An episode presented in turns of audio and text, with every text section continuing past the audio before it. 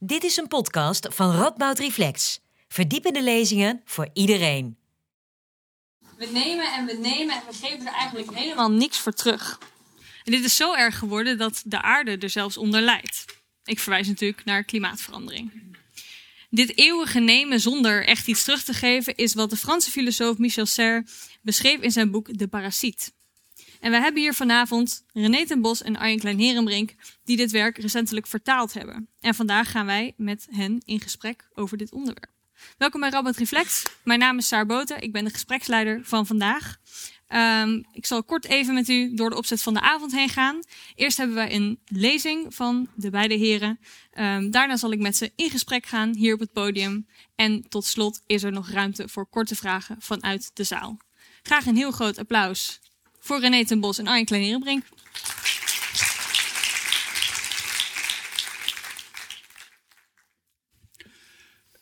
Goedenavond. Um, wij hebben een beetje afgesproken dat ik de aftrap verricht. En een beetje vertel van het waarom van dit boek. En dergelijke meer. En daarna gaat uh, Arjen uh, verder. Ik hoop dat ik niet instort, want ik ben herstellende van een soort bronchitis. Uh, dus dus als dat niet gaat, dan neemt hij het over. En dan kunt u in ieder geval ervan uitgaan dat ik flink op hem heb geparasiteerd. Dus, maar dat compenseer ik dan wel weer. En dat is in ieder geval heel goed. Uh, een paar jaar geleden verscheen bij uitgeverij Boom Muziek. Dat is ook een boek van Michel Serre. En ik heb toen uh, de, de nawoord geschreven bij dat boek. Uh, kwam ook naar Nederland. En ik heb hem toen ontmoet. Ik heb hem een paar keer in Frankrijk ontmoet. En ik heb hem toen eens beloofd dat ik ooit nog eens een keer een boek zou vertalen van hem. En uh, nou ja, dat liep langzamerhand een beetje uit de klauw, die vertaling. Ik was daar zo mee bezig en toen dacht ik, laat ik het ook maar afmaken. Toen vertrouwde ik de zaak niet meer helemaal. En uh, Arjen, goede vriend van mij, heb ik veel mee samengewerkt en dergelijke. En ook een expert op het terrein, die heeft toen de, de finishing touch nog aan die hele vertaling gegeven. Dus dat hebben we gewoon met z'n tweeën gedaan. En daar hebben we een inleiding bij geschreven. En zo is dit boek, een beetje een onmogelijk boek, een heel raar boek, is uiteindelijk uh, zeg maar uh, uitgegeven. Een boek dat in 1980 uh, verschijnt. En uh, ook een boek dat, dat uh, ja, nou ja, als je dat als uh, of ja, zeg maar als, als, als lezer gewoon openslaat in het eerste boek, dan denk je eigenlijk bij jezelf, wat is hier aan de hand? Dus wat Serre in feite doet, is een soort filosofie geven in dat boek, die helemaal niet lijkt op filosofie. En dat is, uh, dat, dat, dat is sowieso wel heel vreemd. Uh, Ser had daarvoor natuurlijk wel boeken geschreven die eigenlijk veel academischer zijn. Waarin ook bijvoorbeeld echt veel voetnoten nog voorkomen. Hoewel die ook daar al een beetje mee experimenteren. Maar hij is altijd degene geweest die gezegd heeft dat, dat, dat de parasiet een soort schakelmoment in dat hele oeuvre is. In die zin dat hij vanaf dat moment anders wilde gaan schrijven.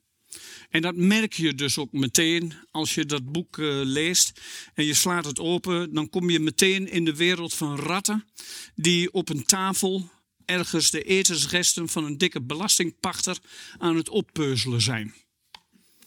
He, dus ratten als parasitaire diersoort, dat, daar hoef ik niet al te veel over te zeggen. Die etensresten, dat zijn trouwens, ik weet niet of u dat kent, ortolaanbotten. Ik zie de, sommige mensen, uh, galofielen waarschijnlijk, die, die, die, dat wel begrijpen. In Frankrijk heb je de gewoonte om allemaal van die kleine mooie zangvogeltjes, de ortolanen, op te eten, rauw. Ja, en, dat, en, en dan kun je de botjes een beetje uitspugen en daar zitten die ratten dan aan te knagen. Dus dus uh, in de sommige vertalingen, uh, in andere taal verdwijnt dat, die ortolaan. Ik vond dat dat moet blijven. Het is een nogal wat uh, dingetje. maar het schijnt dat de voormalige Franse president, meneer Mitterrand, helemaal gek was op het verorberen van ortolaantjes. Die overigens met uitsterven bedreigd worden in Frankrijk, maar dat terzijde. Um, overigens wel een belangrijk thema in dat boek. Dat, dat, dat wij parasiteren nogal op uh, om het maar zo te zeggen. En wat geven wij terug? Niks. Hè? Dat is een thema dat constant uh, voorkomt in het boek. Um, maar het hele punt is dat wat Ser doet, is hij beschrijft hier een, een, een, een fabel van La Fontaine. En La Fontaine is een van de belangrijkste gesprekspartners in dat hele boek. Dat is dus wat ongewoon. Hè? Je, je, je zult weinig filosofieboeken tegenkomen waarin zo weinig filosofische namen uh, tevoorschijn komen. Maar je komt bijvoorbeeld wel voortdurend de fabelschrijvers tegen. Dus dus uh, La Fontaine, Aesopus en ook anderen worden genoemd. En, en, en, en dat is heel interessant. Hij dialogeert ook met literatuur. Hè, bijvoorbeeld met Molière doet hij uitgebreid. En ook met een belangrijke inspiratiebron door zijn hele carrière heen, uh, uh, de Bijbel. En overal ziet hij in al die teksten, die dus bewust gekozen zijn omdat ze naast de filosofie staan. Overal zie je dus in die teksten dat hij daar dat parasitaire thema ontdekt. Dus dat parasitaire thema, dat betekent zoveel als, uh, ja, nou ja, ik, ik probeer een verhaal te vertellen dat naast de gewone filosofie staat. In de inleiding die Arjen en ik hebben geschreven, noemen wij uh, Cornelis Verhoeven indachtig Michel Serre ook een uh, parafilosoof. In 1974 schreef Verhoeven ooit eens een boekje over niet-academische filosofie en dat noemde hij de parafilosofen. Dat zijn dus de filosofen die ernaast uh, staan. en, en, en dat is een. een, een, een en dat, dat heeft Serre zelf ook altijd willen doen. Ernaast staan. Naast die gewone academie. Hij zag zijn eigen werk ook in die zin als, als parasiteer. In de zin van ernaast staan. Para betekent naast. Cytos betekent zoveel als eten. En, en uh, ik moet hier ook bij zeggen. In Frans is het woordje parasiet aanzienlijk minder negatief geconnoteerd dan in het Nederlands maar daar zal Arjen jullie straks nog wel het een en ander over vertellen. maar uh, dat, dat, dat een filosofie die bewust dus naast het corpus gaat staan van de filosofie. Dat doet hij ook bijvoorbeeld met die paar filosofische teksten die hij in die parasiet wel citeert. He, dat gaat bijvoorbeeld heel uitgebreid in op de dialoog symposion van Plato en en, en dan, ja, dan wordt op het einde allerlei mooie dingen over de onsterfelijkheid van de ziel en over goedheid en weet ik veel wat allemaal gezegd. Maar dat interesseert Ser eigenlijk niet. Wat hem veel meer interesseert, is dat gezeik van die oude Grieken over wie naast wie aan de tafel mag zitten. En daar schrijft hij dan uitgebreid over. En inderdaad, als jij dus die dialoog dus leest, hè, symposion, dat is heel interessant. Dan zie je dus voortdurend dat daar een, een, een discussie plaatsvindt van wie mag bijvoorbeeld naast Socrates zitten. Moet dat Alcibiades worden? Moet dat uh, Agathon worden? En, en eh, dat was voor, voor ons is dat waarschijnlijk niet zo belangrijk, want wij gaan meteen ter zake en denken: dit zijn de echte belangrijke stukken. Maar voor die oude Grieken, dat denkt Ser, is dat waarschijnlijk ultiem belangrijk geweest. wie naast wie mag zitten. Overigens, dat zie je dus ook. Ik begon dus met die rattenmaaltijd. Een tafel waarover ratten kruipen. En dan eindig ik bij symposium. Dat is ook een tafel. Het boek is vooral dus ook een tafelfilosofie. Een filosofie die gebeurt aan tafels. De parasiet is degene die ernaast zit. En aan tafels gebeuren allerlei dingen hè, die wij samen doen. Wij hebben net gegeten en de mensen zijn vooral samen met tafels. Om een beetje een indruk te geven hoe die man denkt als hij het heeft over parasiet. Hè, dan heeft hij het over uitbuitingsverhoudingen, uh, maar ook weer niet helemaal. Maar in ieder geval iets wat afwijkt van de bestaande orde. Hè, en dergelijke meer. Dat, dat, dat doet hij altijd. Hè. En, en dan, maar je hoopt toch ook altijd dat de parasitaire verhouding, net zoals in de parasitologie ook gezegd wordt, een commensaal uh, verhouding wordt. En daar zit het woordje mensa in en ook tafel. Dus het is ook een tafelfilosofie. Ik wil niet zeggen dat het gaat over etikettes aan tafel. Maar als je echt uitbuitgedrag wilt zien, moet je kijken naar hoe mensen zich gedragen aan een tafel. Bedenk dit als u straks na afloop naar dat café gaat en zich afvraagt waarom die wel en de ander niet een rondje erin doet. Ja, dat herkent u allemaal. En dat zijn ook hele simpele gegevens die bij hem een, eh, een, een belangrijke rol speelt. Uh, spelen, sorry. dus laten we even kijken. Laat ik één fabel noemen die een hele belangrijke rol speelt in dat hele verhaal van uh, Michel Serre. Dat, dat is een fabel, uh, ook door La Fontaine verteld. En dat gaat over een boer en zijn dochter, Margot. En die boer, hè, en dit roept allerlei vragen op over hoe wij met parasieten omgaan in ons leven. Die boer, die heeft, een, uh, ja, die heeft last van een haas. Die haas die komt door een gat in de haag, in de tuin. De tuin, ook een heel belangrijk thema in het boek. Hè? Paradijs. Hè? Achter de muur, hè? wat er ook naast staat. Heel veilig. Hè? Alle, allemaal para-woordjes hè? in dat hele boek. En, en, en, en dus, maar dan komt het indringen binnen. En die indringen is de haas en die doet zich te goed aan de sla, doet zich te goed aan de zuring en, en, en weet ik veel wat. Dat is eigenlijk niet goed. Dus wat doet die boer? Ik wil van die haas af. Rothaas. De haas is dus een parasiet. Ja, dus wij willen die parasiet eigenlijk zoveel mogelijk verdrijven. En dat is dus hartstikke goed. Wat schrijft La Fontaine dan? Ja, die boer die lukt het niet, want die haas is natuurlijk heel slim. En die boer die verdwijnt eigenlijk gewoon niet. Hele naïeve, eenvoudige verhalen die hier verteld worden. Maar waar die toch iets uithaalt.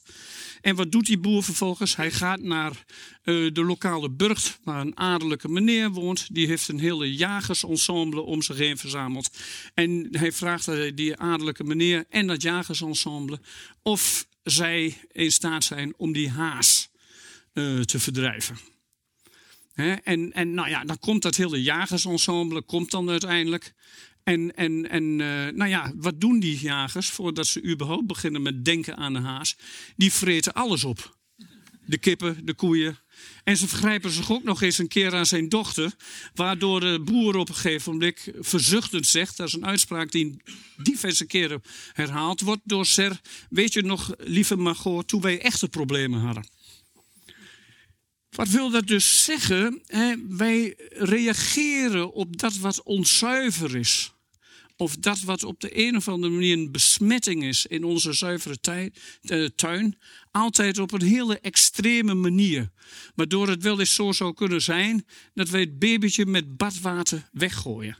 Een van de centrale boodschappen van uh, is: het leven zonder parasiet is eigenlijk onmogelijk er is altijd iets parasiteers. Ik geloof dat Arjen daar straks veel meer over gaat zeggen.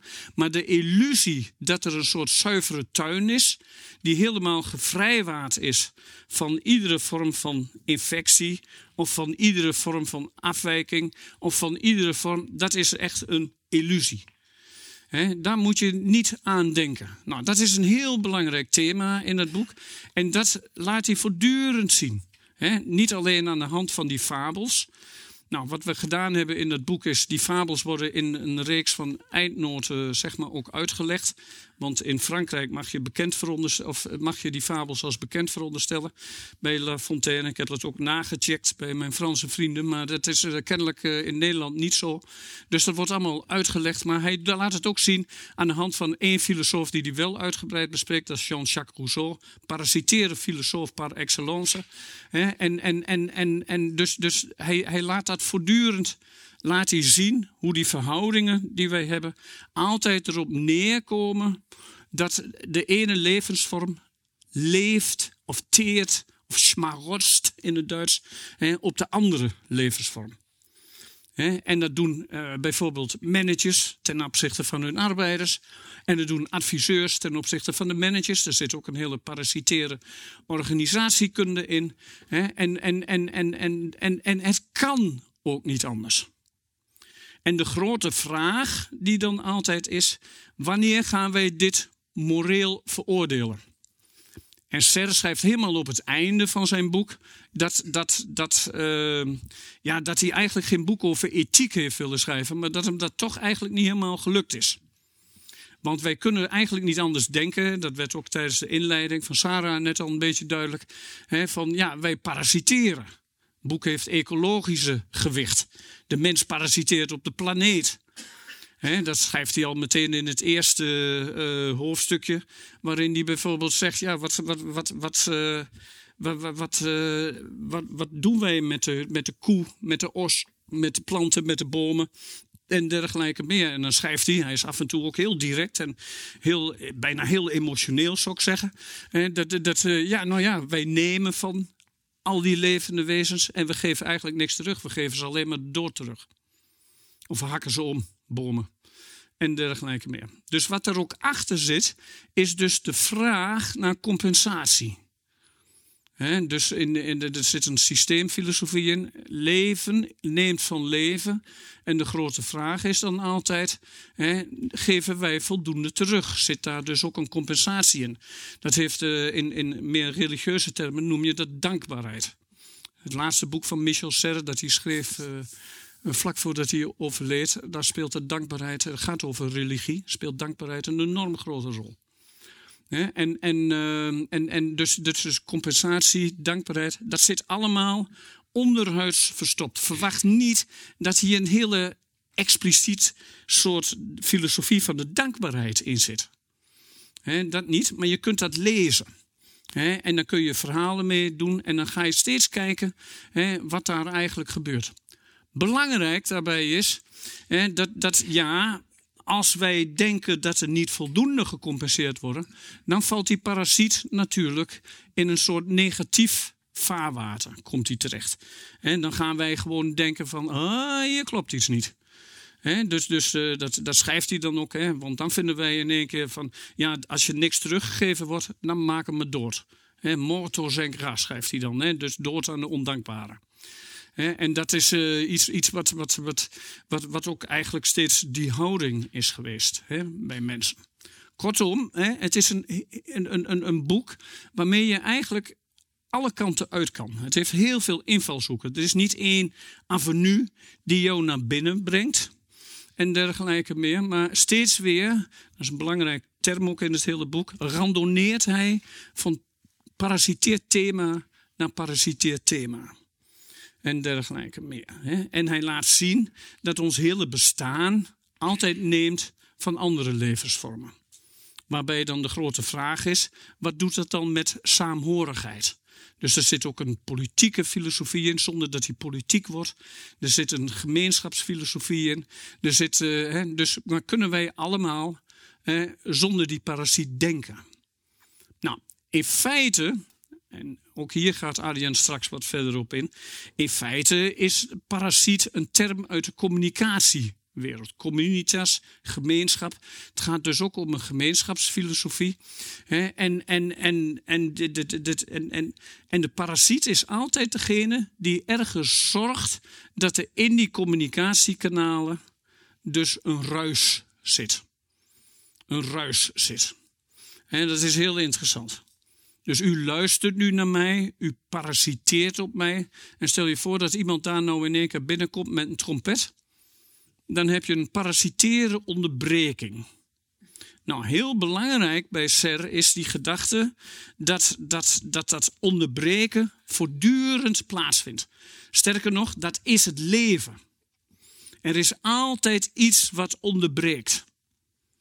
He, zijn hele ontologie, zijn zijnsleer, is gebaseerd op de gedachte dat er altijd een onderbreking is. Dat er een afwijking is van de gangbare orde.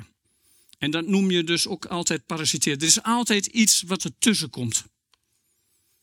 En, en, en, en, en zonder dat wat ertussen komt, ja, moet je helemaal niet denken dat er nog überhaupt zoiets als leven mogelijk is. Sterker nog, ik denk dat bij Ser, en dat is een van zijn diepere gedachten, überhaupt het idee van denken, hè, dat als mensen denken, dat het altijd pas gebeurt nadat er zeg maar een parasitaire interceptie is geweest. Dus een soort parasitaire interruptie op de gang van zaken.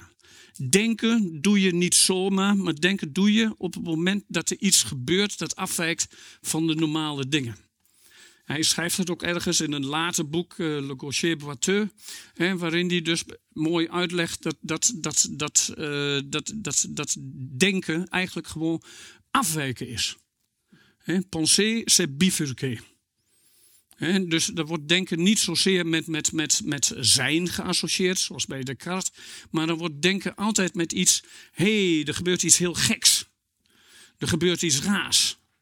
Dus als er met u iets gebeurt, zit een heel klein hoofdstukje in. Bijvoorbeeld, dat, dat hoofdstuk gaat over ziekte. Een kleine theorie van de ziekte noemt hij dat en dergelijke. Dan zie je dat precies. Plotsklaps gebeurt er iets in dat lijf dat niet helemaal klopt. U hoort bijvoorbeeld een geluid dat u nog nooit eerder gehoord heeft.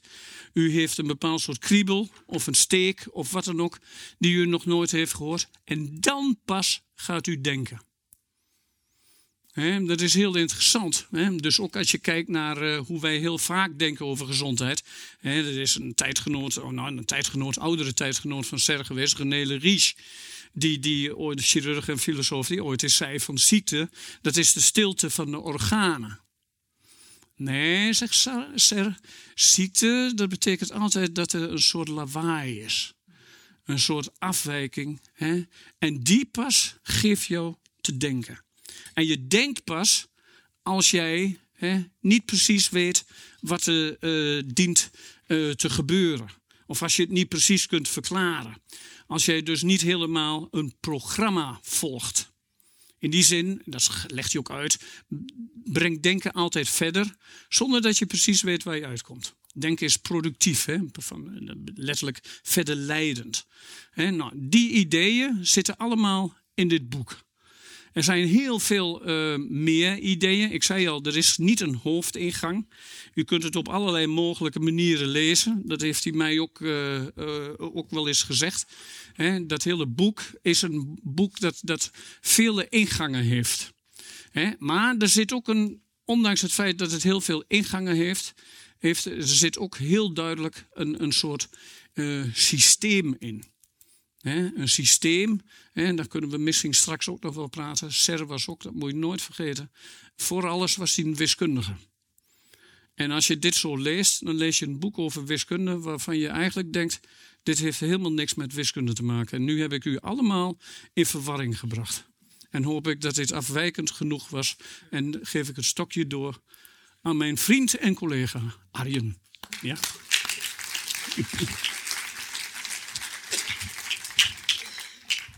Avond. Ik ga uh, precies hetzelfde vertellen als René, maar dan een klein beetje anders. En een van de voornaamste redenen daarvoor is het, dat het boek waar we het vanavond over hebben, uh, precies hetzelfde werkt. Dus wie de Parasiet leest, krijgt geen filosofieboek dat netjes opgedeeld is in ik heb een punt waar ik naartoe werk en je krijgt argument A, B en C en D en aan het einde van de rit is er een conclusie. Uh, René heeft er al op, over gehad. Het boek varieert van eh, praten over sprookjes naar thermodynamica, naar de Bijbel, naar organisatie. En het, daarmee doorkruist het constant allerlei domein, domeinen. Maar het doet dat ook niet stuk voor stuk. Het komt midden in een discussie over natuurkunde, komt het opeens terug op zo'n fabel van La Fontaine. En om iets. Dus het is sowieso al de moeite waard om één keer in je leven zo'n soort boek te lezen. Het is compleet onorthodox. En een van de redenen daarvan, ik wil beginnen met een kleine opmerking over methodologie, is dat in zekere zin Michel Serre weigert om mee te gaan met de moderniteit. Met het soort mensen dat wij zijn of willen zijn, met wat wij denken dat normaal denken is, met wat je denkt dat er in een universiteit moet gebeuren als je modern bent. En dat wordt onder andere uitgelegd door Bruno Latour, een leerling in zekere zin van Michel Serre, in een essay over zijn mentorfiguur. Modern zijn betekent namelijk dat je weet dat je in een universiteit geen sprookjes hoort te bestuderen. Behalve als je letterlijk folklore bestudeert. Maar je weet dat als jij een eerstejaars bent die scheikunde gaat studeren, dan krijg je scheikunde tekstboeken en niet de fabels van La Fontaine. Want sinds de moderniteit weten we dat er een verschil is tussen objectieve kennisverwerving in de wetenschap en met name de natuurwetenschap en aan de andere kant alle subjectieve domeinen van de wereld kunst, religie, politiek enzovoort. En Michel Serre is een filosoof die zijn hele leven lang eigenlijk koppig zegt: Ik weet niet of dat waar is. Uh, Michel Serre, en dat is geen uh, performatief ironisch iets. Michel Serre is bloedserieus in dat hij niet zeker weet of bijvoorbeeld De Rerum Natura van Lucretius uit het Romeinse Rijk niet nu een van de beste theorieën over in de natuurkunde bevat. Michel Serre weet echt niet zeker of het misschien niet zo is dat de sprookjes van La Fontaine ons het meeste vertellen over hoe de werkelijkheid in elkaar steekt. Hij kent de grenzen van domeinen niet zoals wij moderne mensen die denken te kennen. En dat heeft, in die zin is het ook een mooi boek, alles te maken met de inhoud van dat boek. En zoals René al heeft verteld, is de inzet, zeg maar de metafysische, fundamentele inzet van het boek, is de gedachte dat de wereld niet als volgt werkt. Je hebt een bepaald domein of een bepaald systeem en dat is in zichzelf besloten en dat werkt op zijn best als het niet onderbroken wordt. En zo denken we vaak na over bijvoorbeeld ideale politiek. De ideale politiek is een politiek waarin politici, zonder dat daar verstoring in zit, de wil van het volk kunnen uitvoeren. Dat ze lekker dicht bij de burger staan en dat daar niks gecorrumpeerd of onderbroken wordt. Het is ook hoe in films vaak ideale liefde wordt afgebeeld. Ideale liefde is zuivere liefde, die zo sterk is dat niemand er, zelfs met de meeste kracht ter wereld, ook maar een speld tussen kan krijgen. Dus er is een bepaald, eveneens modern idee dat wanneer een systeem of een gebeurtenis of een liefde of een politiek goed werkt, dan is het in zichzelf besloten en zuiver. De hele inzet van het parasietenboek van Michel Serre is dat dat nooit zo is. Dat alles van de grond komt met parasiteren op een gastheer, met iets onderbreken. Je kunt niet aan je zuivere liefde beginnen zonder je geliefde op zijn minst ergens te ontmoeten. Door ergens in een bar, in een treinstel tegen elkaar aan te lopen en te onderbreken wat daar gaande is. Je kunt geen politiek bedrijven door reeds bestaande communicatie, reeds bestaande belangen, reeds bestaande instituten te lijf te gaan, daarin te interveneren, iets van koers te doen veranderen. En dat is voor Michel Serre fundamenteel.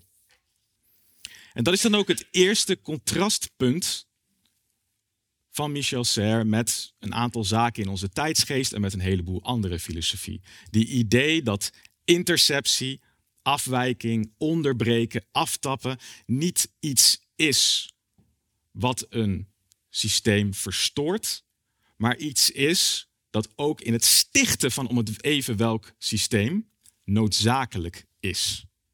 Dat is het eerste contrastpunt. Het tweede contrastpunt, dat hebben jullie ook al gehoord tot in de inleiding van René, is dat een parasitaire relatie eenrichtingsverkeer is. Het is uiteraard zo dat als je een, in de standaardvoorbeelden, als je een parasiet bent die ergens op een organisme parasiteert, betekent dat niet automatisch dat dat organisme ook weer op jou parasiteert. De lintworm parasiteert op u, dat betekent niet dat u ook parasiteert op de lintworm.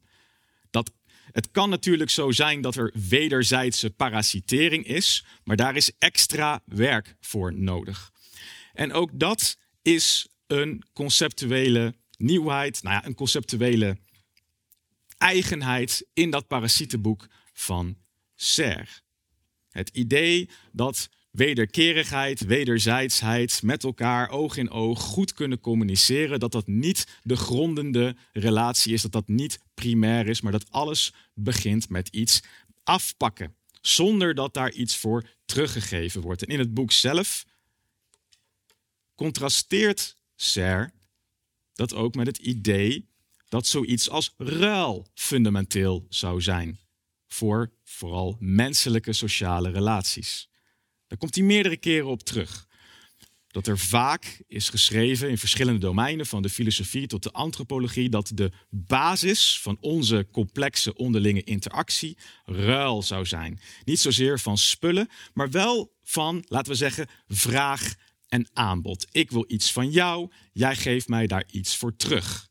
En dat kan ook immaterieel zijn. Hè? Liefde, aandacht, bescherming, veiligheid, dat maakt niet uit.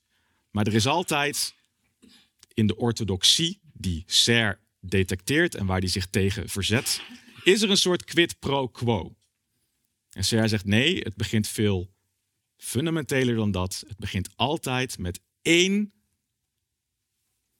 speler, één factor, één agent die parasiteren gaat op iets anders. En als je vervolgens iets terug wil krijgen van die parasiet, moet je een extra relatie weten te creëren. Dus dat is het tweede contrastpunt. En dat heeft nogal wat gevolgen. En daar kunnen we het in het gesprek gaan we daar ongetwijfeld ook meer over hebben. Eén ding dat ik vast wil noemen is dat er een heel eigen analyse van het kwaad uitkomt. We weten allemaal dat onze normale manier van parasitaire termen gebruiken buiten sec de biologie is vaak erg negatief geladen. Als we het hebben over bloedzuigers, over uitzuigers, over luizen in de pels, dan gaat het over mensen die uitkeringen trekken terwijl ze het niet verdienen. Vluchtelingen en migranten die we niet in ons land willen hebben. Mensen die op de een of andere manier in ons denken die zuivere, of die in optimale, in optima forma zuivere systemen die we zouden willen hebben, komen verstoren. Maar als wat Serre ergens op, als wat Serre betoogt ergens op slaat, dan is dat geen juist moreel kompas. Als Serre een punt heeft, dan is de vraag niet hoe zorgen we dat we A, een wereld zonder parasieten creëren, wat het ook mogen betekenen, versus B, de dreiging van een slechte wereld met parasieten als Serres analyse ergens op slaat, dan is de enige keuze die je hebt een wereld vol met parasieten. Waarin onderbreken en aftappen de norm is, de noodzaak is. En dus de vraag verschuift naar op welke grond noem je een parasitaire relatie goed? Daar had René het ook al over. Wanneer is er genoeg compensatie?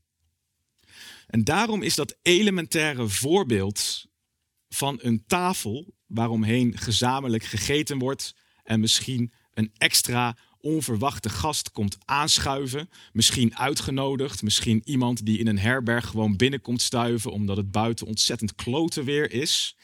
Daarom is dat zo'n ontzettend krachtig tot de verbeelding sprekend voorbeeld. Want we kennen allemaal die situatie. We weten allemaal dat een avond met bekenden of met vreemdelingen om een tafel heen alleen werkt als het correcte, als er een goed tempo en afwisseling van onderbrekingen is. Zo'n avond is ontzettend vervelend als slechts één iemand een monoloog voert van drie uur. Of als iedereen zwijgt. Ik kom uit een stukje Bijbelbelt, ik weet hoe het voelt zo'n avond werkt en wordt geanimeerd en wordt misschien zelfs memorabel als je elkaar niet alleen maar kopieert en napraat, maar als iedere spreker net wanneer hij het woord neemt een beetje afwijkt van wat er al gezegd is. Met een grap, met iets serieus, met vragen of iemand nog iets drinken wil. Het goede tempo van een avond creëren om een tafel heen zit hem in de kunst want het is moeilijk met regels vast te leggen, van elkaar op zo'n manier onderbreken en parasiteren dat je genoeg compensatie geeft voor elkaar. En als Serres analyse ergens op slaat, dan is dat dus niet alleen iets dat belangrijk is in sociale situaties, diners en zo, maar iets wat overal in de wereld terugkomt. Niet alleen in mensen, maar op de hele planeet, in al zijn lagen. En dan het laatste punt, voordat we denk ik kunnen gaan uh, kletsen. Niet om een tafel, maar uh, achter een tafel. Is een soort van angstbeeld. Waar tegenover Serre niet alleen in de parasiet, maar ook in andere boeken dit stelt.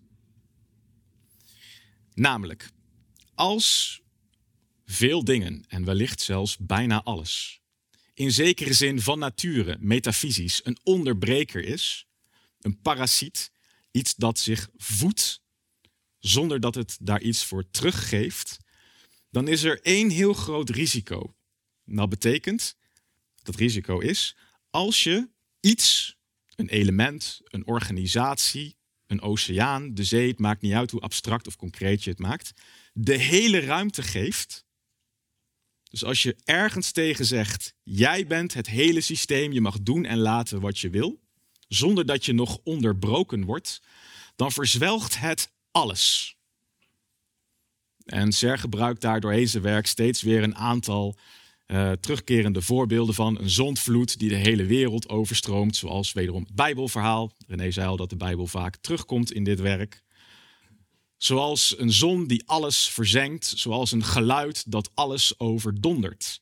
En dat angstbeeld wordt steeds aangehaald door Serre om te laten zien dat je ook echt niet wil leven en niet kan leven in een wereld waarin om het even welke factor zozeer de vrije hand krijgt dat die niet meer onderbroken mag en kan worden. Zo'n factor vult de hele ruimte en verzwelgt dan ook alles eromheen. Dus dat is mijn laatste punt, is dat, en dat, ik hoop dat ik daarmee ook gelijk de voorgaande punten een beetje samenvat, dat die hele inzet van die parasitaire filosofie van Michel Serre is dus niet een soort typisch postmoderne, Franse, ironische uh, tekst die iets wat iedereen verschrikkelijk is, gewoon maar voor de lol op de een of andere manier op een voetstuk wil plaatsen. Het is een bloedserieuze analyse van de vraag hoe je eigenlijk met elkaar kan samenleven. Op grond van iets waarvan Serre dus zegt, en dat is dan dat parasitisme, dat is altijd verkeerd begrepen. Iets wat we altijd moreel slecht hebben geacht. Of iets dat hebben we secundair hebben geacht, dat alleen maar systemen verstoort, maar ze niet maakt, blijkt juist een stichtend principe te zijn. En daarmee kunnen we denk ik naar het gesprek.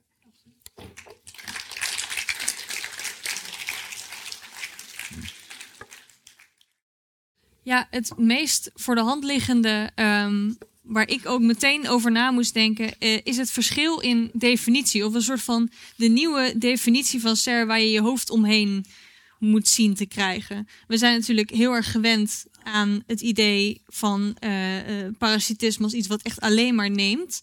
Um, wat ook een beetje het thema is bij klimaatverandering.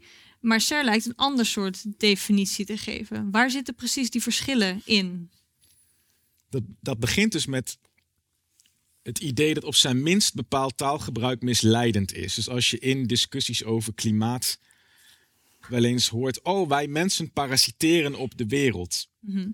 Het Seresiaanse antwoord zou zijn: ja, maar in de wereld bestaat uit niks anders dan, zeker wat organismen betreft, die op elkaar parasiteren. En er is geen enkel organisme dat inherent zichzelf inhoudt. Er is geen enkele vossenpopulatie die als er honger is, denkt: ja, maar we gaan niet alle konijnen opvreten, want dan zijn er over vijf jaar misschien geen konijnen meer. Mhm. Die beesten vreten door. Dus als je wil zeggen, dus vanuit dat perspectief zou de eerste reactie zijn vanuit dit boek. Als je wil zeggen, de mens doet iets fout op de planeet, waardoor we allemaal naar de knoppen gaan, dan is die fout duiden in termen van de mens is een parasiet, niet de correcte duiding. Want dat is een algemene kenmerk van alles wat leeft, van alles dat zich in stand probeert te houden. En dat kun je ook niet wegkrijgen. Er is geen manier om als levend wezen niet parasitair te zijn. En dat is natuurlijk altijd het, het ding met dit soort concepten. Eh, Als je alles parasitair gaat noemen, is dan het niet begrip het zo breed dat niks meer parasitair is? Verdwijnt het concept dan niet vanzelf? Is het dan niet gewoon de manier waarop we zijn, zonder dat we daar een titel aan kunnen hangen? Ehm, ja, maakt mij niet uit. Dus, eh, Een soort van hete aardappel. eh. Nee, omdat de, hè, dus een elementair schema. Het boek heeft ook plaatjes. Voordeel, het is niet heel veel filosofieboeken hebben plaatjes. Dus het ele- een elementair schema waar, waar, waar Serre mee probeert te, te werken is: je hebt een, een, wat hij de gastheer of gastvrouw, ot in het Frans noemt. En als je dat dus onafhankelijk van of het mannen of vrouwen, dan is het in het Nederlands gastgever. Dus je hebt een gastgever en je hebt een parasiet. Een parasiet is iemand die komt dus iets nemen van de gastgever. Of daar nou toestemming voor is of niet. Als je te gast bent bij iemand is er een gastgever, maar als je inbreekt bij iemand is er ook een gastgever. En dan is er, raar, een onderbreker. Een soort extra parasiet. En daar zie je al dat we hier te maken hebben met een systeemdenken waarin niet alles de hele tijd een parasiet is. Maar hoe komen wij dan eigenlijk uit in bij uh, uh, ons concept van parasiet? Want de, de parasiet in de algemene taal is toch echt wat anders dan wat Ser hier beschrijft. Hoe zijn die twee. Nou, ik, ik zei daar natuurlijk al net iets over. Dat in Frankrijk de betekenis van het woord parasiet ook altijd iets anders is. Het, heeft ook een, het is ook een term die met communicatie eh, te maken heeft. Dus een geluid dat ergens interveneert, dat tussen beiden komt. Dat wordt een le bruit parasiet genoemd. Maar hij uh, engageert zich ook wel in het boek met, uh, laten we zeggen, die tak van sport die we parasitologie noemen. Ja, en, en, en, ja, echt de biologische. De biologische, de biologische ja. En, en zijn, zijn vernieuwing, dat is wat hij dus in feite aanbrengt, is dat voor de parasitologie als wetenschappelijke sport, is een parasiet altijd dat wat in of op jou leeft en van jou leeft. Hm. Dat soort zaken. En hij vindt het eigenlijk een hele vreemde definitie. Want uh, is het dan niet zo dat, dat er ook geleefd wordt uh, op, op basis van andere manieren? He, dus je hoeft niet alleen maar in een lichaam te zitten of op een lichaam te zitten om toch van een ander te kunnen leven. Dus hij beschrijft bijvoorbeeld dat hij gewerkt heeft in het verleden als stratenmaker. En dan kwamen dan één keer in zoveel tijd mensen in strakke pakken in een busje langs. Die dan gingen beoordelen hoe, uh, hoe zij hun werk doen dat is naadloos wat je bijvoorbeeld in organisatiekunde ook bijvoorbeeld kunt zien. dus je hebt twee arbeiders, die moeten samenwerken, die moeten coördineren. Dat lukt eigenlijk niet. En dan komt er altijd een, een derde die zegt van... als jij nou dit doet en ik doe dat, dan kunnen we gaan samenwerken. Dus maar dat is eigenlijk een soort van mediator tussen de twee. Ja, natuurlijk. Maar dat zijn woorden die constant voorkomen. Mediator, middelaar. Uh, en dat, dus er is altijd iets wat naast die relatie staat... en dan vervolgens die relatie weer in een nieuw soort richting duwt. Maar besef wel, dat, dat, en dat is het punt dat Arjen net maakte, uh, of wilde maken, hou met een goede Arjen, maar uh, uh, dat, dat, dat is dat, dat jij, jij parasiteert wel op anderen, maar vroeg of laat word jij onvermijdelijk zelf ook geparasiteerd. De, dus in die zin is, het, is, is, is, is de, de levensvorm op deze planeet is parasiteren. Het, een leven kan niet plaatsvinden zonder dat het zeg maar neemt van ander leven. Hm. En, en uh, let op, dat is ook belangrijk dat dat gebeurt, dat de parasiet er is, want dat zorgt er ook voor dat leven af en toe in een andere richting gaat. He, voor, uh, wat ik probeer uit te leggen is dat voor Ser uh, zonder een parasiet, dus netjes in die tuin, waar niks, daar gebeurt verder niks. In het paradijs gebeurt helemaal niks. Is natuurlijk wel een droom van, van heel veel mensen. Maar als die haas binnenkomt, dan is er in ieder geval heisa. Dan gebeurt er tenminste iets. Ja. ja? En, en, en, uh, en, en je kunt maar beter hopen dat er ook zoiets af en toe gebeurt. Omdat anders uh, het leven een dode bende gaat worden. En als we dan die tuin even wat breder trekken naar de natuur als geheel. Um, om even terug te keren naar het idee, het idee dat men heeft dat de mens een soort van parasiet is op de natuur, op de planeet, op het klimaat. Ja. Um, hoe zou Ser dat dan zien?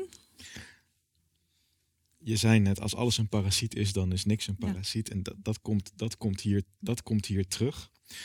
Maar dat is ook in een ander, meer in een ander boek van, van Serre, uh, Le Contrat Naturel, het natuurlijke contract. Waarin hij benadrukt dat er in moderne filosofie, moderne westerse filosofie, vaak is gedaan alsof de natuur een soort van achtergrond is. Een soort decor, zoals op een toneel. En op een toneel, in een toneelstuk, kunnen er wel dingen met het decor gedaan worden. Maar toch is het een andere laag dan wat de acteurs en de objecten die zij vast hebben doen. Het verhaal speelt zich af tegen een decor. Hm. En er is dus vaak gedacht dat als het gaat om de morele daden van mensen, dat mensen vooral wezens zijn die op elkaar parasiteren. En onze verhalengeschiedenis staat vol met verhalen van lust en bedrog en allerlei andere Machiavelliaanse manieren waarop mensen elkaar van alles aandoen en elkaar misbruiken, uitzuigen enzovoort. Die verhouding probeert Serre ongedaan te maken. Dus bij Serre is er geen stabiele achtergrond, geen stabiel fundament dat we de natuur zouden kunnen noemen, dat op de een of andere manier fundamenteel andere wetten en ritmes zou hebben dan wat mensen onderling elkaar aandoen. En dan krijg je dus die meer panparasitaire logica weer terug, dat de wereld niks anders is dan dat soort verhoudingen die op elkaar ingrijpen.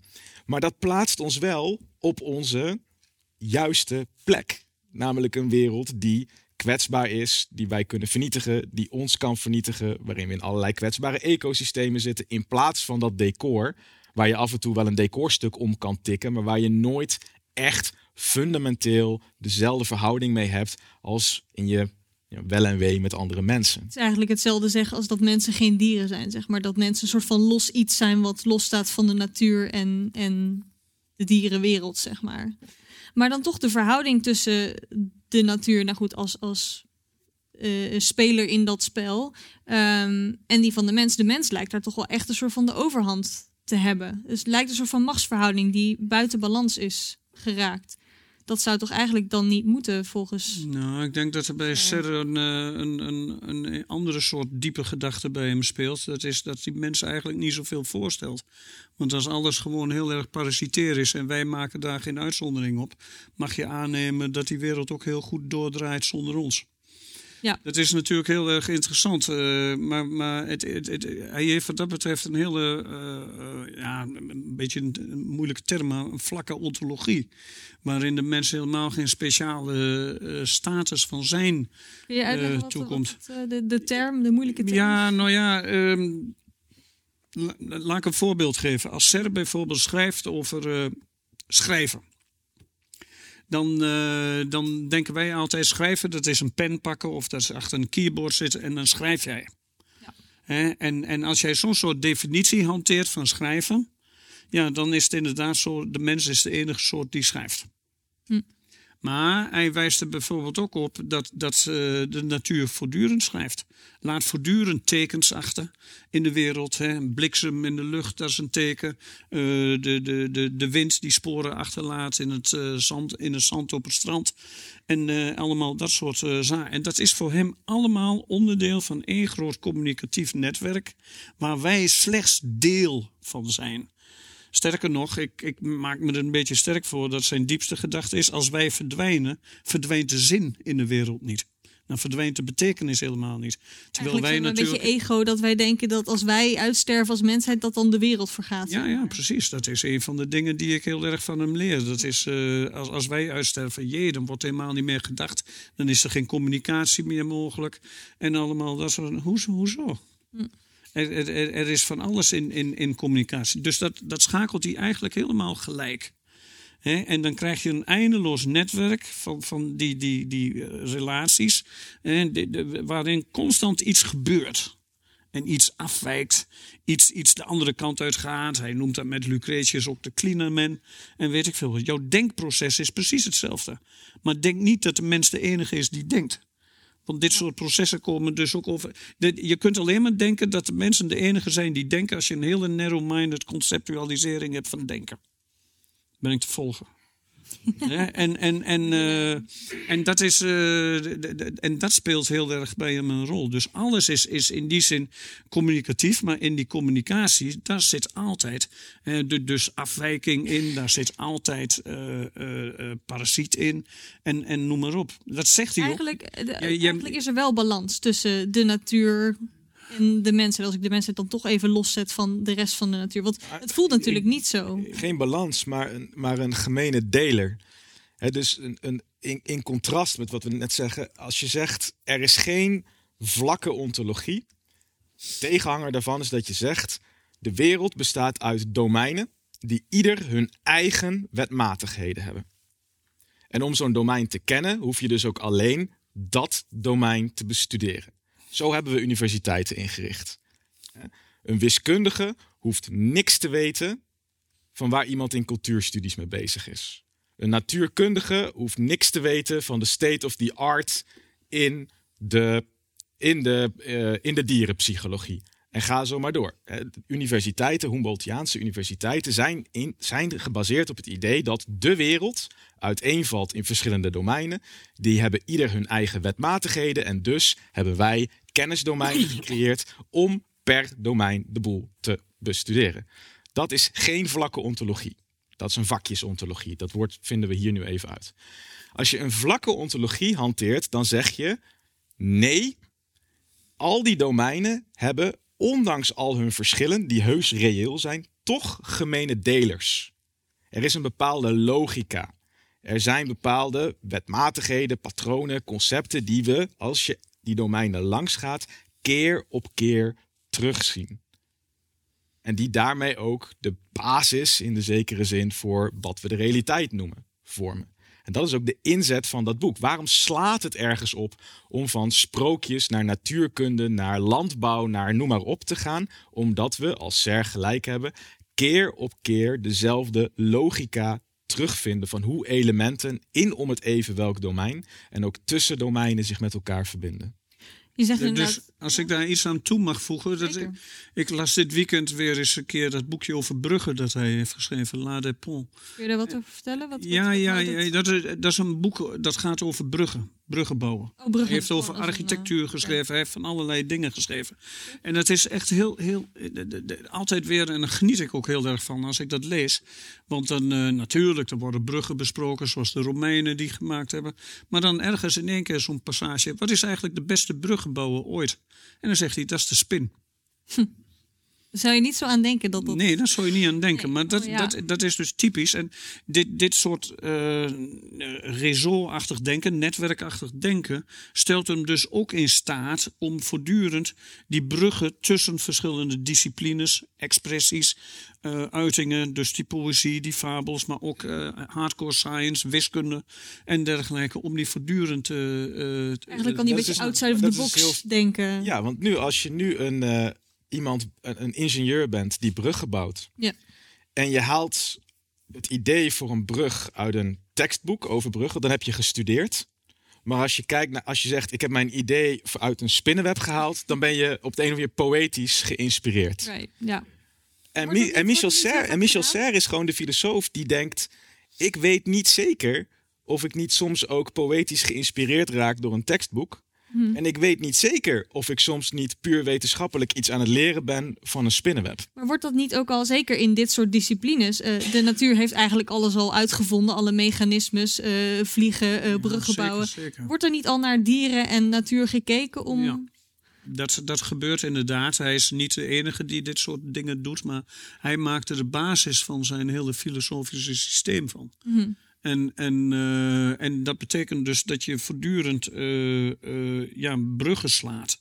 En een van zijn grote dromen, dat noemt hij dan de Noordwestpassage. Dat is natuurlijk dat hij de brug weet te slaan tussen exacte wetenschappen en, en menswetenschappen. Eh, iets, iets wat natuurlijk door die moderne tijd eh, heel erg moeilijk geworden is. Maar dat is eigenlijk gewoon waar hij voortdurend mee bezig is. Om een voorbeeld te geven, ik geef een, een jaarlijks. Ja. Het begint volgende week weer, daarom is het leuk om te zeggen. Eh, ik zie ook mensen die het gaan doen in de zaal. Ik geef jaarlijks een ecologie-seminar. Filosofie van de ecologie. De hoofdpersoon daarin is Latour. Dat is een leerling van Serre. Dat is geesteswetenschappen. Elk jaar probeer ik naar een biologische boerderij hier te gaan, hier in de buurt. Om ook daadwerkelijk met onze klauwen in de modder te zitten. Daar moet je speciaal iets voor aanvragen op een speciaal formulier, want dat hoort er niet bij. Ah, dat wordt niet gezien op gelijke geen hoogte. geesteswetenschap. Er is geen standaard manier van accepteren van... oké, Arjen wil met 20 studenten naar een boerderij. Natuurlijk, daar valt wat te leren. Nee, dat moet je beargumenteren. Omdat wij niet... Nou ja, dat is bijna een conspiracy theory. Maar dat heeft er mede mee te maken dat universiteiten dus zo verkokerd zijn... dat wij het idee hebben geïnstitutionaliseerd dat domeinen onafhankelijk van elkaar bestaan. En dat de beste manier om kennis te ver- verwerven over een domein vooral is dat je binnen dat domein blijft. Hoe zou de wereld er dan uitzien als Serre het voor het zeggen had? Dan zouden we natuurlijk compleet echt alles, niet alleen universiteiten, misschien ook de samenleving als geheel compleet moeten omgooien. Heeft best wel consequenties als we dit eh, in Nou, de praktijk zouden brengen. in, en ook in die zin is, is Serre een filosoof die moeilijk met de moderniteit te, te verenigen is. Want je moet niet, we, we mogen niet vergeten dat voor bijvoorbeeld universiteiten werden ingericht, eh, zoals ze nu ingericht zijn, dat bijvoorbeeld een, een Newton noemt wat hij aan het doen is, ook filosofie. En is tegelijk ook geïnteresseerd in engelen en het occulte. Ook daar heeft Michel Serre een, een boek over. over dat het voor Newton, een van de aartsvaders van wat we de, wetenschap, de beste wetenschap noemen, dat het voor Newton onherkenbaar zou zijn dat wij bijvoorbeeld theologie en natuurkunde van elkaar gescheiden hebben. Eh, Dus in die zin is Serre niet een of andere gek die iets propageert wat nog nooit bestaan heeft. Hij is een intellectueel die vasthoudt aan een model van denken en een model van leren dat duizenden jaren lang extreem succesvol is geweest en dat de, de stichtende figuren van ongeveer alle vakgebieden heeft opgeleverd. Maar hoe zijn... Zo gek is het dus misschien niet. Nee, ja, eigenlijk is het gewoon weer back to basics eh, als je het zo bekijkt. Maar dan niet basics. dan- Nee, ja, oké, dan misschien niet basics. Nou ja, je betaalt er wel een prijs voor. Hè? Vlak voordat hij eh, doodging, schreef hij dat boekje. Ik noemde dat al even, Le Gaucher Boiteux. Dat betekent zoiets als onhandige linkspoot of, of iets dergelijks. Dat betekent, je bemoeit je met zoveel disciplines... dat je eigenlijk nooit, zoals de specialist... je kunt uiten over de hoed en de rand in die disciplines. Hè? En, en eh, dus je blijft altijd een beetje onhandig. Ja. Eh, wat je ermee wint, is dat je dus, eh, ja, hij noemt dat zelf eh, eh, structurele momenten hè, in, in, in, in verschillende disciplines ziet. Dan zie je dus eigenlijk de overeenkomst. Maar je zult altijd, loopt altijd het risico dat je een beetje naast, eh, naast eh, de port piest. Is- Omdat ja. je het eigenlijk eh, toch net niet helemaal Ja, begrijpt. je moet toch wel een bepaalde soort kennis Ja. hebben. Maar, is, Maar- maar- dan, maar dan ik- binnen tussen de twee? Moet je dan... Arjen die zei daarover laatst eens een keer. Maar het een van de mooie dingen, als je echt ergens excellent in wilt worden, dan moet je echt in die verkorkering gaan zitten. En, dan, en dan maak je ook mee dat steeds minder mensen het interessant vinden. Hoe beter je ergens mee wordt, hoe minder interessant het voor dit publiek is. Ja? En dat is, eh, een van de, de, de, dat is een van de kerngedachten ook bij, eh bij SER. En, en eh, dus je, je, je, je bent, nou ja, ik hoef verder niet uit te leggen dat de problemen die we hebben, en dat ziet hij natuurlijk ook wel, dat die allemaal interdisciplinair, multidisciplinair, wat voor woorden heb je daar allemaal wel niet over. Dus we hebben toch mensen nodig die die, die, die bruggen kunnen slaan tussen die verschillende eh kokers. Daar krijgt hij dan ook een naam mee. En dat vindt eh, Latour bijvoorbeeld ook heel interessant aan zijn leermeester. En het mooie wat je bij zowel Latour als Serre ziet, is dat ze ook allebei heel veel genoegen scheppen in iets laten zien dat gebeurt op het moment van wetenschappelijke innovatie. Dus een heleboel wetenschap is doorakkeren in onderzoeksprogramma's waarvan de hoofdlijnen al uitgezet zijn en daar willen we steeds meer details in invullen. Maar wat gebeurt er als er echt een wetenschappelijke innovatie is? Een, een voorbeeld wat Latour graag aanhaalt, maar wat je ook bij eens terugziet, is in de 19e eeuw ontdekt Lavoisier dat water H2O is. Hoera. Iedereen in zijn tijd alleen denkt dat niet. De, de geaccepteerde idee is: water is geen compound. Water is een substantie. Dat kun je niet verder splitsen in onderdelen. Maar dat betekent natuurlijk dat als ik Lavoisier ben en ik wil laten zien dat water H2O is, dan zijn er nog geen methoden en apparaten die gebouwd zijn om dat te laten zien. Dat is logisch. En dat betekent dat ik links en rechts moet gaan stelen. Ik moet parasiteren. Ik moet apparaten, methoden en ideeën die eigenlijk voor net iets anders bedoeld zijn, die moet ik mij toe-eigenen, in een nieuwe opstelling verwerken, zodat ik precies kan doen waar de wetenschap, dat ik op een wetenschappelijke wijze kan doen, waar de wetenschap precies niet voor bedoeld is. En ja, Latour en Serre die grossieren in laten zien bij Lavoisier en bij Pasteur dat dat keer op keer gebeurt, dat wetenschappelijke vooruitgang, uiteraard ook dat parasitaire, dat afwijken, dat aftappen, dat onderbreken vereist, want anders blijf je alleen maar met de status quo in een in zichzelf gesloten systeem of programma zitten. Als, je, als we dan kijken naar de, de gespecialiseerde de hokjes samenleving, om het maar even de, de hokjes universiteit of de hokjes, ja, de- toch wel samenleving breed eh, kijken, kunnen we dan eigenlijk nog wel anders dan parasiteren op elkaar? Bijvoorbeeld als één iemand zich helemaal specialiseert in X en helemaal specialiseert in Y. Bijvoorbeeld één iemand specialiseert zich in het verbouwen van groenten. Dat is een, wordt een groenteboer of een boer. En de ander specialiseert zich in schoenen maken. Ehm, zijn we dan ook niet aan het parasiteren op elkaar? Want de een, de schoenmaker moet ook groenten eten. En de groenteboer zal toch ook wel iets aan zijn voeten moeten en doen. dat is ook helemaal niet erg. Dat is juist hartstikke goed. dus de hele sekswijze die jij voortdurend eh, gebruikt, ook met oog op parasiet. Ik zei al, para, dat betekent ernaast. Je moet jezelf terzijde durven gooien. Hm. Dus niet alleen maar blijven denken wat jij toch altijd al dacht en daar steeds beter in worden, maar dan af en toe ook zo denken dat je ernaast eh, durft te gaan staan. Dus niet in één, eh, één soort systeem blijven hangen. Daar zijn ook voorbeelden van en die voorbeelden die geeft hij dan ook wel. Dus als jij als viroloog bijvoorbeeld zegt dat, dat, dat een virus gewoon ervoor zorgt dat ongezonde populaties hersteld worden, dan, dan, dan, dan, ja, dan is dat een ongevoelige uitspraak. Als jij daar niet naast durft te gaan staan en bijvoorbeeld ook uitlegt dat het leidt tot grote misère in families. Hoe, En- hoe en- verhoudt en zich, dus- hoe verhoudt dat- zich dit dat- tot parasitisme? Ik snap, ik snap de link Nou, niet dat, dat, dat, de- dat betekent, jij denkt, jij zit in je verhaal en je denkt, dit is wat een virus doet. Mhm. Maar als jij daar nooit naast dur- durft te gaan staan, door ook nog eens een keer te zeggen van, nou ja, op microniveau betekent het veel meer dan dat. Alleen maar een virus dat ergens ingrijpt. Maar betekent op microniveau dat mensen geliefden kwijtraken of iets dergelijks. Dan betekent dat dus dat jij naast je eigen denken gaat staan. Eigenlijk Ik de geef verschillende domeinen als ik, als ik lezingen geef, dan, dan probeer ik dat wel eens uit te leggen met eh, een voorbeeld van de boeren in dit land, Remkes. Het is maar een simpel voorbeeld, hè. En, en, maar maar die- ja, die, die, die, die stikstof die moet, eh, die moet bestreden worden. En Remkes die wist toen toch op de een of andere manier veel ongenoegen bij die boeren te appeaseren. Door in één keer toch ook eens een keer iets te zeggen over de manier waarop de urbane elites. En daar is Serre zich heel erg goed van bewust. Hij is een boerenfilosoof, een ambachtsfilosoof. Die, die, doordat die boeren of eh, die urbane elites zo nadoen ten opzichte van die boeren. Dat alleen al zeggen betekent dus dat je even naast je eigen boodschap gaat staan. Hij noemt dat altijd van je moet jezelf terzijde durven gooien. Dus ernaast durven te gaan staan. Waardoor je veel meer communicatie krijgt. Heeft dit ook te maken met de verschillende domeinen die we eigenlijk in. Want dat houden we eigenlijk ook heel erg apart. Sociaal domein, politiek domein, economisch Heeft domein. allemaal Als je bijvoorbeeld kijkt naar de, een veelgehoorde kritiek op de, op de economische crisis, de financiële crisis rond 2007, vanaf 2007, dan is die kritiek ook dat die austeriteitspolitiek, waaraan vastgehouden werd, zuiver op zuiver economische gronden werd ingevoerd en aangehouden.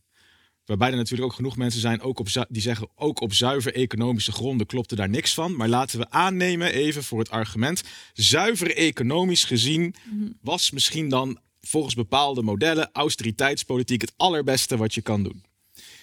De logica van Serre betekent, wil alleen maar zeggen, de wereld is geen zuiver economisch model.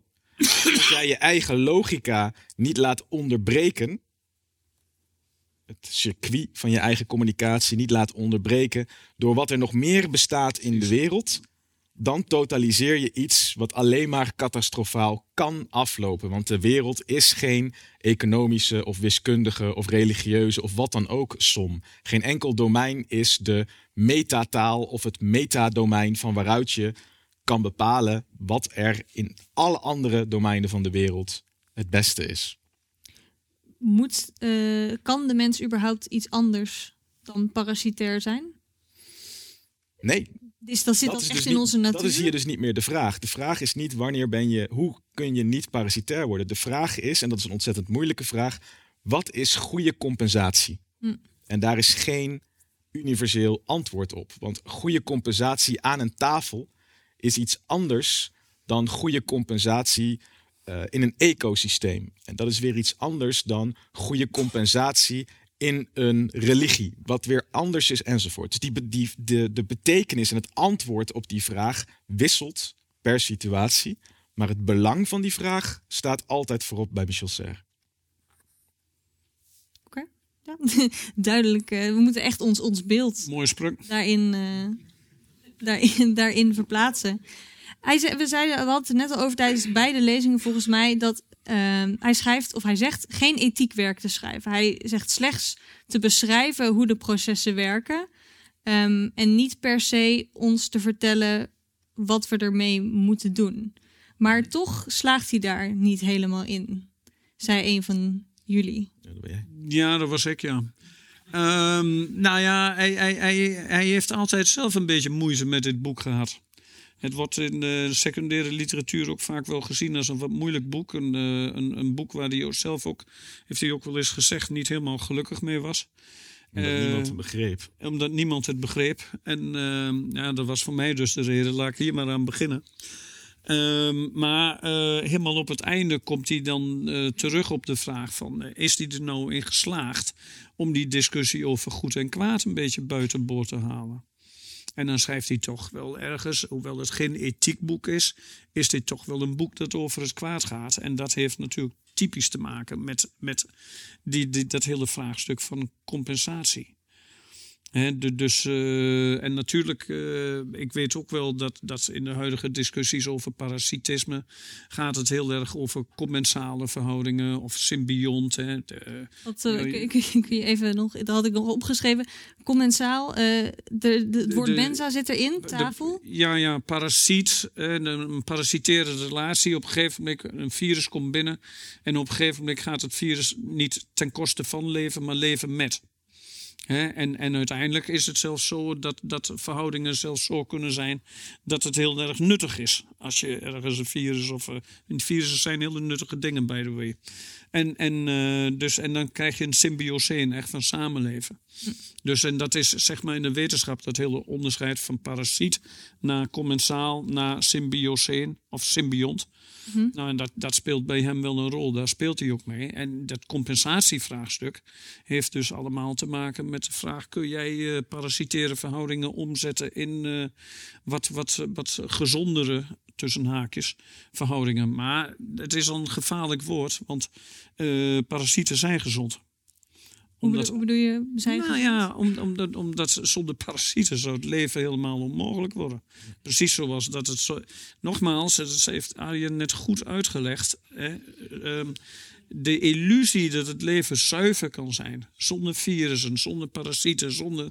Dat is precies de grote eh, fout die je maakt, eh, die heel vaak gemaakt wordt. En dat laat, om maar even weer helemaal bij het begin te beginnen, dat fabeltje van die haas zo mooi zien. Laat die haas nou. Want eigenlijk als je dat gaat lopen bestrijden, kom je in een slechtere Dan kom je misschien wel in een slechtere wereld. Zijn er, ook, zijn er ook voorbeelden van, van onze hedendaagse samenleving waarin we precies dat doen? Waarvan Ser zegt, ja kijk, nou zit je eigenlijk met een slechtere situatie dan waarmee je eigenlijk begon. Ja, discussies. Wij liepen hierheen en toen hadden we het daarover. Eh, er zijn veel mensen die zeggen dat mensen nu vaak zo ziek zijn of zo gevoelig zijn als gevolg van die lockdown-maatregelen. Ik weet niet of dat waar is, maar die discussies worden gevoerd. En, en, eh, en, en, dus ik zeg niet dat het waar is, hè? dus don't shoot me. Maar, eh, maar, de, de, de- maar ik weet wel dat epidemiologen, virologen en dergelijke wijzen erop dat, mensen, dat het voor mensen belangrijk is. Dat ze kinderen bijvoorbeeld, dat ze zich ook blootstellen aan, ieder, iedere ouder weet dat, aan, aan, eh, aan, aan virussen en dergelijke. En dat die gedachte dat je dat helemaal weg kunt zuiveren, waarschijnlijk een, een behoorlijk kwalijke gedachte is. Ja. Ja. Ja. En dus in, in Serre is het ten opzichte, ook weer als contrastpunt voor het parasitaire denken, is er altijd een herhaald waarschuwen voor een neiging, een immer menselijke neiging, om te steriliseren en om te zuiveren. Een moment dat Ser vaak aanvoert als een van de grote triggers voor zijn eigen denken is ook het werpen van de atoombommen. En Een atoombom is niks anders dan massa-extinctie. In één keer al je vijanden proberen weg te vagen. En bij Ser zie je keer op keer de waarschuwing dat elke poging om iets volledig te steriliseren, buiten een hele lokale procedure in een laboratorium waar je misschien iets wil leren, zodra je dat wil toepassen in een maatschappij, leidt het alleen maar tot ellende. Iedere poging om elke mogelijke onderbreking uit te sluiten, kan alleen maar korte termijn winst, korte termijn voordeel, korte termijn waarde opleveren. Ik eh, ben heel benieuwd wat de zaal te vragen heeft. Eh voordat dat we daarheen gaan, nog even een, een korte uitsmijt of een kort eh, samenvatting. Wat is het belangrijkste uit dit werk, uit dit boek, ehm, dat wij eigenlijk mee moeten nemen? Ja, maar zo, Een hele, een zo hele werkt het boek korte- niet, want het gaat niet van argument naar argument naar argument naar conclusie. Het- Oké. Misschien een persoonlijke favoriet, eh, favoriete boodschap, favoriete metafoor, analogie? Mijn favoriet is de les die er. Daar hebben we het nog niet eens over gehad. Dus dan wordt het niet kort, maar goed. Uh, mijn favoriete les uit het boek is dat zodra je die parasitaire logica toepast, dat er iets verandert. Iets verandert in je hoe ik denk, dacht over wat macht is. Het komt een paar keer terug. Wij denken normaal, de persoon met macht is degene aan de top van de piramide. Van waaruit alles stroomt. De power en de glory, de orders enzovoort. En Ser laat keer op keer zien: nee, nee, nee. De machtigste persoon is degene die onder in een stroomgebied zit. Waar alles naartoe stroomt, zonder dat daarvan gevraagd wordt om zich in te spannen. Of om weer iets naar een ander toe te laten vloeien. Eigenlijk alleen maar ontvangen. Ja, dus hij zegt ook: het is een soort truc van de machtigen. Dat ze doen alsof ze helemaal bovenaan een piramide alles aan het besturen zijn en daar heel druk mee zijn. En dat ze daarom heel veel bewondering verdienen. Want de echte machtigen zijn meer als leeuwen die zich in een of ander hol weten te verschuilen. En daar komen de prooien gewoon achterloos binnenwandelen. En die heel leeuw hoeft alleen maar pats te doen en dan zijn ze weg. Um, ik zal er niet over uitweiden, maar het heeft mijn ideeën over macht flink veranderd. Ik vind het inderdaad wel mooi. Het, het spreekt wel tot de verbeelding, zo'n piramide of zo'n rivier. Uh, inderdaad. René? Um, ja, nou, er zijn heel veel. Ik, ik, ik kan jullie allemaal, maar die ga ik niet vertellen. De fabel van de maankaas vertellen. Die, die echt een, het is ook heel poëtisch af en toe. Dus het is schitterend. Uh, ik hoop dat het Nederlands ook schitterend is, maar het Frans is heel mooi. Uh, maar goed, uh, de. de um, een van de sterkste beelden die ik, uh, die ik bij hem heb, altijd heb, dat komt uit de Hermes-reeks. Die vind ik echt heel mooi en dat speelt hier ook altijd een rol. Dan heeft hij het over die fractale kusten. Dus de kusten, hoe, hoe meet jij een kust? Dat soort, uh, hè, dus kustlijnen. Ik ben net een hele week aan het herstellen geweest van mijn ziektes over, op Schiermonnikoog. En dan zie je dat strand en dat loopt helemaal zo. En eigenlijk kan niemand dat meten omdat het zo en, en omdat het zo ja, eh, alle kanten op gaat en weet ik veel wat. En je weet het nooit precies en dat soort zaken. Tenzij je een dijk aanlegt. Ja, dat je de kust vervangt. Ja. Dan kun je eigenlijk precies de kustlengte meten. En zo definieert Ser techniek. Dit vind ik een van de beste beelden die hij heeft. Techniek, dat betekent helemaal niks anders dan het uh, oneindige vervangen door het eindige. Zo, er zit, er zit heel veel in. Kun, eh, kun je dat nog heel kort misschien nee, even... Kan nou komt vraag en antwoord. Ja, nee, dan is dit mijn, eh, mijn vraag voor de vraag en antwoord. Het, het, het eindige Nou, wij zijn zo bezig om de dingen te beheersen en te controleren met, mm. met die moderniteit. Dat soort zaken. En wij vinden daar ook allerlei maatregelen uh, voor om dat te doen. En, en, en dat betekent dus ook dat je heel veel van die rijkdom van dat, die, die, die, nou ja, zo'n kustlijn, dat je dat dus eigenlijk gewoon weghaalt. En dat wat je daar heel erg. Kijk, ik moet altijd denken aan mijn oude vriend Ruud Kolingfrex. Ik, ik zeg het ook wel vaker. En dit is iets wat, uh, wat, wat ook heel erg Sericiaans geïnspireerd is. Ooit schreef ik een boekje dat heet Hygiënemachine. En dat is al heel oud of zo. Maar de beste definitie voor wetenschap, ik zeg het nog maar eens een keer, dat is weten in schappen stoppen. En, en, en, en, en doe het niet. Doe, dat lijkt me een prachtig, uh, prachtig advies. Het advies was er, doe het niet. Uh, ik wil jullie heel erg bedanken voor jullie komst en jullie inzichten uh, van vandaag. jullie natuurlijk ook in de zaal voor jullie vragen en jullie komst en aanwezigheid. mocht je denken, dit was interessant en ik wil meer weten, er is nog veel meer te weten. Er staat buiten een boekentafel. daar kun je de Nederlandse vertaling van het boek kopen. Um, we hebben meer programma's uh, staan. Uh, check vooral de agenda. Uh, we hebben binnenkort een heel mooi programma ter ere van de Holocaust Memorial Day. Um, is elk jaar weer hartstikke prachtig. En dan wens ik u verder nog een hele fijne avond.